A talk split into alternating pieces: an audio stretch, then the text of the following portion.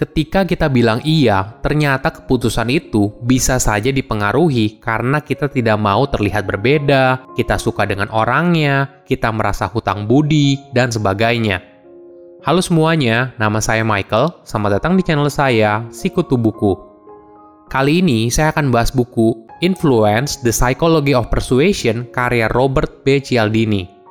Sebelum kita mulai, buat kalian yang mau support channel ini agar terus berkarya, caranya gampang banget. Kalian cukup klik subscribe dan nyalakan loncengnya. Dukungan kalian membantu banget supaya kita bisa rutin posting dan bersama-sama belajar di channel ini. Buku ini membahas kenapa orang bilang iya dan bagaimana menggunakan informasi ini dalam kehidupan sehari-hari. Boleh dibilang, buku Influence the Psychology of Persuasion adalah buku klasik soal pengaruh dan persuasif. Buku ini pertama kali diterbitkan pada tahun 1984 dan telah diterjemahkan ke lebih dari 30 bahasa yang berbeda. Menariknya, informasi di buku ini berasal dari sebuah riset panjang, yaitu 35 tahun, sehingga boleh dibilang isi buku ini cukup komprehensif dalam memberikan panduan untuk mempengaruhi orang lain.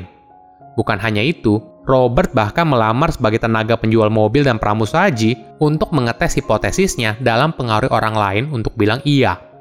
Saya merangkumnya menjadi tiga hal penting dari buku ini. Pertama, alasan orang bilang iya. Ternyata otak kita terprogram untuk merespon isyarat tertentu. Sebagai contoh, Para ilmuwan menemukan kalau seekor ibu dari ayam kalkun bisa dipicu naluri keibuannya ketika mendengar suara cip-cip. Ini merupakan suara yang biasa dibuat oleh bayi kalkun. Menariknya, para ilmuwan mencoba menaruh perekam suara di dalam boneka kucing. Jika boneka kucing itu mengeluarkan suara cip-cip, maka ibu ayam kalkun langsung terpicu naluri keibuannya. Padahal, ayam kalkun dan kucing merupakan musuh bebuyutan, tapi suara cip-cip mampu memicu perilaku yang otomatis dari ayam kalkun. Bukan hanya itu, manusia juga pemicu sama yang sifatnya otomatis dan tidak rasional. Sebagai contoh, dengan menambahkan kata karena dalam sebuah permintaan, maka hal ini akan membuat kebanyakan orang bilang iya. Ada sebuah studi dari Alan Langer yang melakukan tes berapa banyak orang yang bersedia dipotong antriannya saat menggunakan mesin fotokopi. Dalam tes pertama, seorang peneliti bilang Permisi, saya hanya 5 halaman saja. Boleh nggak saya pakai mesin fotokopinya? 60% orang bilang iya. Lalu peneliti melakukan tes kedua. Kali ini mereka bertanya, Permisi, saya hanya 5 halaman saja. Boleh nggak saya pakai mesin fotokopinya karena saya ingin fotokopi berapa halaman? Kali ini, 93% bilang iya. Hanya satu kata karena bisa membuat hampir semua orang bilang iya, bahkan ketika alasan yang diberikan itu biasa aja.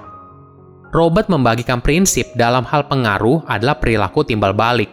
Pada dasarnya, orang merasa punya kewajiban untuk membalas perbuatan orang lain dalam bentuk perilaku, hadiah, atau layanan yang telah mereka terima terlebih dahulu.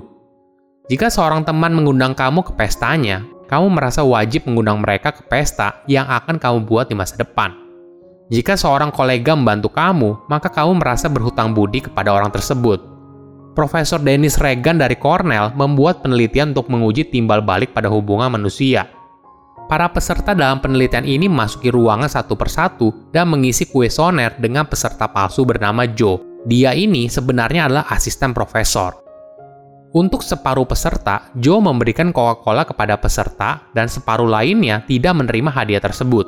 Kemudian, Joe meminta mereka semua untuk membeli beberapa tiket undian darinya. Dan coba tebak, mereka yang menerima Coca-Cola akhirnya membeli tiket undian dua kali lebih banyak daripada grup lain. Kedua, komitmen dan kesukaan. Kebanyakan orang biasanya ingin konsisten atas apa yang mereka katakan dan lakukan di masa lalu. Jika orang lain bisa membuat kita melakukan hal kecil di masa lalu, maka kita cenderung bilang iya pada hal yang lebih besar di masa depan. Ada sebuah penelitian yang menarik.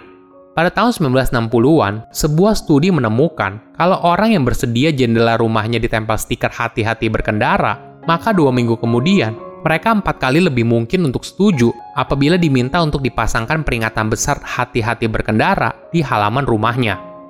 Mereka sadar atau tidak sadar kalau mereka merasa berkewajiban untuk konsisten pada hal yang mereka lakukan di masa lalu. Ada beberapa contoh aplikasi nyata dari prinsip ini. Bagi orang yang ingin menurunkan berat badan, mereka biasanya diminta untuk menuliskan tujuan yang ingin mereka capai dan membagikannya ke semua orang. Ini adalah bentuk komitmen yang disebarluaskan dan biasanya membantu banyak orang untuk terus komitmen saat kemauan saja tidak cukup. Contoh lain adalah orientasi siswa atau mahasiswa. Ternyata ada alasannya kenapa tradisi orientasi siswa atau mahasiswa baru cenderung memalukan. Dua orang peneliti menemukan ketika seseorang menjalani ritual yang rumit, mereka cenderung lebih mengapresiasi menjadi bagian dari kelompok tersebut daripada ketika mereka dengan mudah masuk ke dalam kelompok tersebut. Prinsip lain dalam hal pengaruh adalah soal kesukaan. Pada dasarnya, kita akan lebih mudah dipengaruhi oleh orang yang kita sukai daripada tidak. Mengingat sifat manusia, orang lebih cenderung menyukai orang yang memberi pujian dan bisa bekerja sama dengan mereka daripada mereka yang tidak. Dan sayangnya, orang juga lebih cenderung menyukai orang yang mirip dengan mereka daripada yang mereka tidak suka. Prinsip ini sering kali digunakan dalam dunia pemasaran dan periklanan. Hampir setiap iklan yang kamu lihat akan menampilkan individu yang dirancang untuk menarik perhatian target pembeli produk tersebut.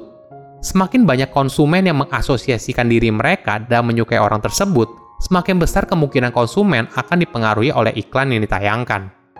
Untuk menggunakan prinsip ini di dalam dunia kerja, kamu hanya perlu disukai oleh orang-orang di sekitarmu dan mereka yang ingin kamu bujuk atau pengaruhi. Kamu dapat melakukan ini dengan bekerja sama dengan orang lain, memberi pujian yang tulus kepada orang lain, dan menekankan soal kesamaan yang kamu miliki dengan mereka. Namun kuncinya di sini adalah kamu perlu membangun hubungan dulu dan membuatnya menyukaimu sebelum kamu mencoba untuk mengaruhi orang tersebut. Ketiga, mengikuti orang lain. Prinsip lain dari Robert adalah social proof atau bukti sosial.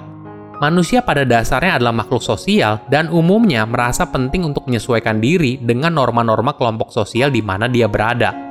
Hal ini berarti bahwa dalam pengambilan keputusan, kita sering melihat sekeliling untuk melihat apa yang dilakukan oleh orang lain sebelum mengambil keputusan. Contoh klasik dari hal ini adalah handuk hotel. Ada beberapa hotel yang menggunakan prinsip social proof saat memberikan informasi soal handuk hotelnya. Tanda yang mengatakan 8 dari 10 tamu hotel memilih untuk menggunakan kembali handuk mereka. Jauh lebih efektif dalam pengaruhi dan membujuk tamu hotel daripada tanda yang hanya mengatakan menggunakan kembali handuk akan membantu menyelamatkan lingkungan. Menariknya, semakin spesifik jenis komunikasi sosial ini, semakin efektif komunikasi tersebut. Misalnya, tanda yang bertuliskan 8 dari 10 tamu hotel yang menginap di kamar ini memilih untuk menggunakan kembali handuk mereka. Hal ini lebih efektif daripada yang hanya merujuk pada tamu hotel yang umum.